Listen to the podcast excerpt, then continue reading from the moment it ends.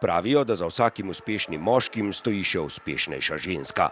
Če to prevedemo v skakalni jezik, za vsakim uspešnim skakalcem stoji še uspešnejši trener. Res je zanimivo, da so trenutno najuspešnejši skakalni strokovnjaki v bistvu vrstniki. Najstarejši je vodja nemške ekipe Werner Schuster, le 16 dni je mlajši glavni trener polske ekipe Štefan Horangacher, oba štejeta 47 let, najmlajši s 43 leti je Aleksandr Štekel, vodja nemške vrste. Kljub temu, da so v srednjih, da ne rečem najboljših letih, glede na to, da bi bil očitno ta trenutek lahko tudi sam vodja ene od največjih ekip, če bi bila odločilna leta, so ta trenutek že tudi najstarejši v karavani, ob dveh, treh redkih izjemah.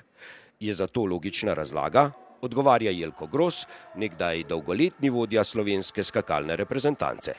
Generacija odide, pride nova generacija in od tebe pobere recimo tisto, kar misli, da je dobro, pa najbrž izboljša tisto, kar si ti delo. In tako se uh, nekako uh, razvijajo trenerji naprej. Zato je uh, kakšni starejši so res redkost. V trenerski karavani trenutno ni Matjaža Zupana, do prihoda Gorana Janosa, vodje slovenske ekipe, potem pa trenerja francoske in ruske. Glede na starost, Zupi, kot ga kličejo prijatelji, lahko pričakuje še zvezdne trenutke, šteje namreč 48 pomladi je pa na trenutno razmerje moči med skakalnimi strokovnjaki pogledal še z enega drugega zornega kota.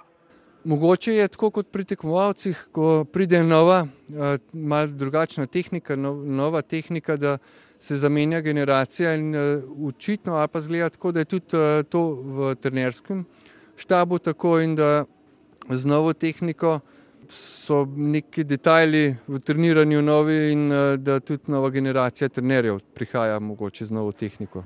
Matjaš Zupan je po globokem razmisleku prišel še do enega zanimivega zaključka, zakaj je v trenerskih vrstah prišlo do krepke menjave generacij.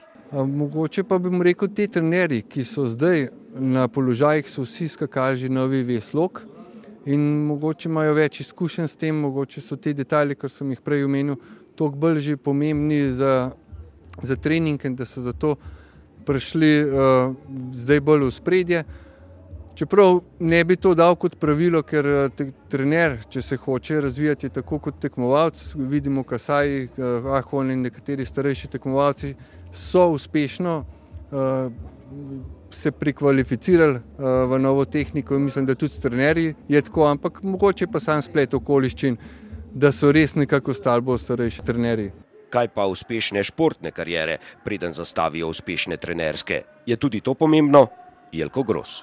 Predvsem ostanijo tisti, ki niso dosegli vseh tistih svojih ciljev kot športniki, uh, ker ti postaviti hoče nekaj več. In uh, ni štekel, ni kruček, tudi Goran je bil odličen skakalec, ampak ne za piko na i.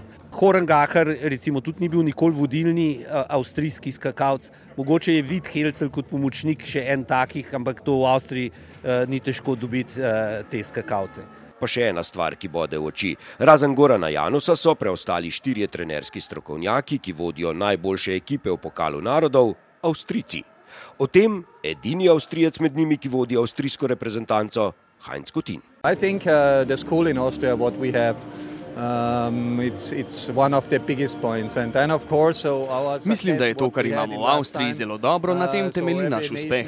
Vsaka država se zgleduje po najboljših in zato se zgledujejo po teh trenerjih, da jih ujamejo. Ponosni smo na to, to je dobro za Avstrijo. Sam sem trener avstrijske reprezentance, vem pa, kaj počnejo drugi in oni, kaj počnem sam. To, da to je pošten boj.